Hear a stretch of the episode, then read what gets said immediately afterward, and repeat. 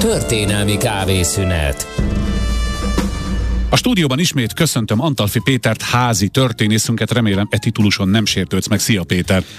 Szervusz, sziasztok, köszöntök mindenkit. Nem, nem vagyok az a megsértődős fajta, erre meg pláne nem. 26-a e, van, és egy nagyon érdekes dátum van, már emlegettük korábban itt a történelmi no. kávészünetben. E, ez egy húsvéti mise lesz, amit most hozok, ez 1478-ban történt, és ez pedig olyan húsvéti mise, amin úgy gondolták az elkövetők, hogy a pápa megengedte nekik, hogy a húsvéti mise alatt lehet ölni.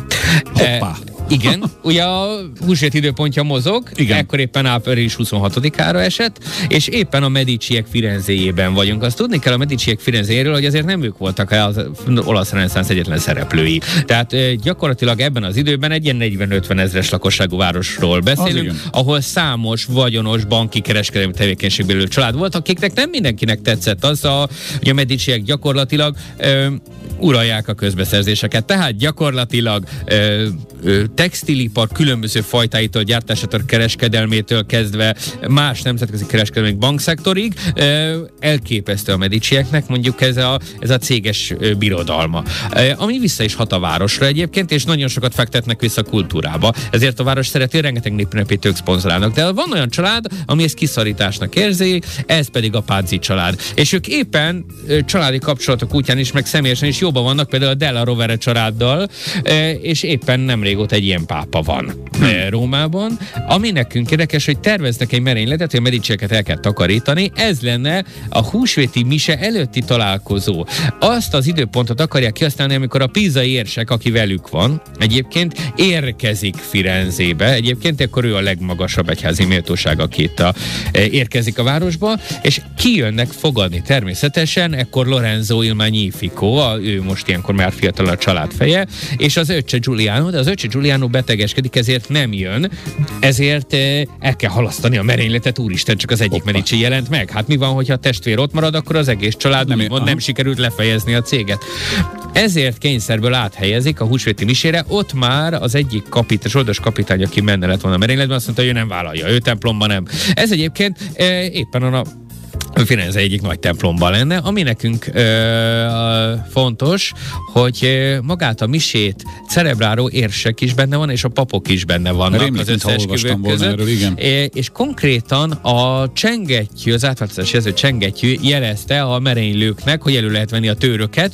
E, maguk a papok is, tehát el lehet képzelni a medicieknek és a közönségnek a meglepetését, amikor leteszik a csengettyűt, és egyszerűen csak mindenhonnan tőröket rántanak elő, és rájuk támadnak meg is sebesítik Lorenzo, Giuliano pedig előről hátulról halára szurkálják, de egyébként ide is majdnem nem jött el. Az egyik összeesküvő elment érte, hogy de hát gyere, hát a húsvéti misét nem lehet kihagyni, tehát egy nagyon mondjuk, hogy aljas próbálkozás volt. Ami viszont Érdekes, hogy közben még így meg is ugrattam, mint hogyha meglökögetni egy kicsit, legalábbis az utolagos beszámolókból így tudjuk, és az utolagos beszámolókat a mediciek ír, iratták Aha. meg, úgyhogy, de nincs ellentétes bármilyen szöveges forrásunk róla, ahol mi ezt cáfolná, hogy még ki is tapogatta, hogy van esetleg páncél vagy láncing a, a, a ruha alatt, és gyakorlatilag a húsvéti mise alatt ö, a templom kövén ö, ott hal meg a késszúrásoktól eh, Lorenzónak az öccse Giuliano. Na de nem eh, sikerül, ha jól értem, amit És az az érdekes, hogy nem sikerül, ugyanis eh, úgy találja el az egyik eh, pap eh, Lorenzónak a nyakát, hogy nem okoz végzetes sebet,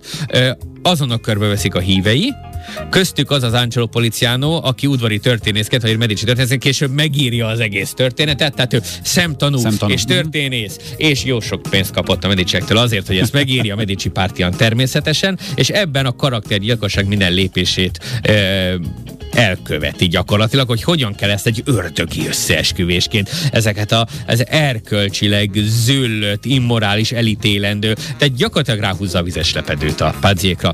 Ami érdekes, hogy bezárkoznak a sekrestjébe, valaki kiszívja a sebet, mert hiszik mérgezett, és fölmásznak a karzatra, ahol most az orgona van, de ott akkor még nem volt. Egyébként az csak egy ilyen erkész, belső erkészerű képződmény volt, nem volt egy orgona szerkezet. Megnézik, hogy meg kirohantak. Föl akarják lázítani Firenzét. Mondják azt, hogy liberta, liberta, tehát szabadság, szabadság, és vonulnak a Palazzo Vecchio, vagyis a, a Palazzo della Signoria felé, a kormányzói palota felé, aminek aminek az lenne a célja, hogy akkor most átveszik az uralmat, kormányzat éppen föláll, e, idéglenes állapot, medicieket eltakarítjuk. Mindenki félreérti. Egyrészt kientik Lorenzót, bemegy a palotájába, és mindenki elkezdi a Medici párti tömegjeleneteket, tehát a tömeg e, palle, palle, labda, labda e, vezényszavakkal kiabál, és olyan, mint hogy a két foci tábor találkozna egyébként egy angol futballmeccs után. Ilyenen. Aha.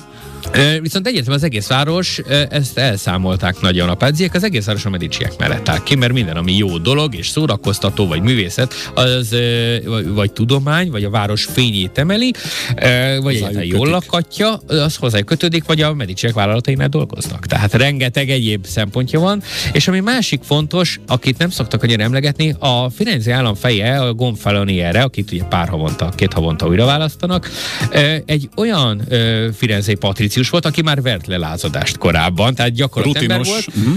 Ezért megvárta még a palotában eltévedni a merénylő csapat a pízésekkel együtt, vagy bezárja őket.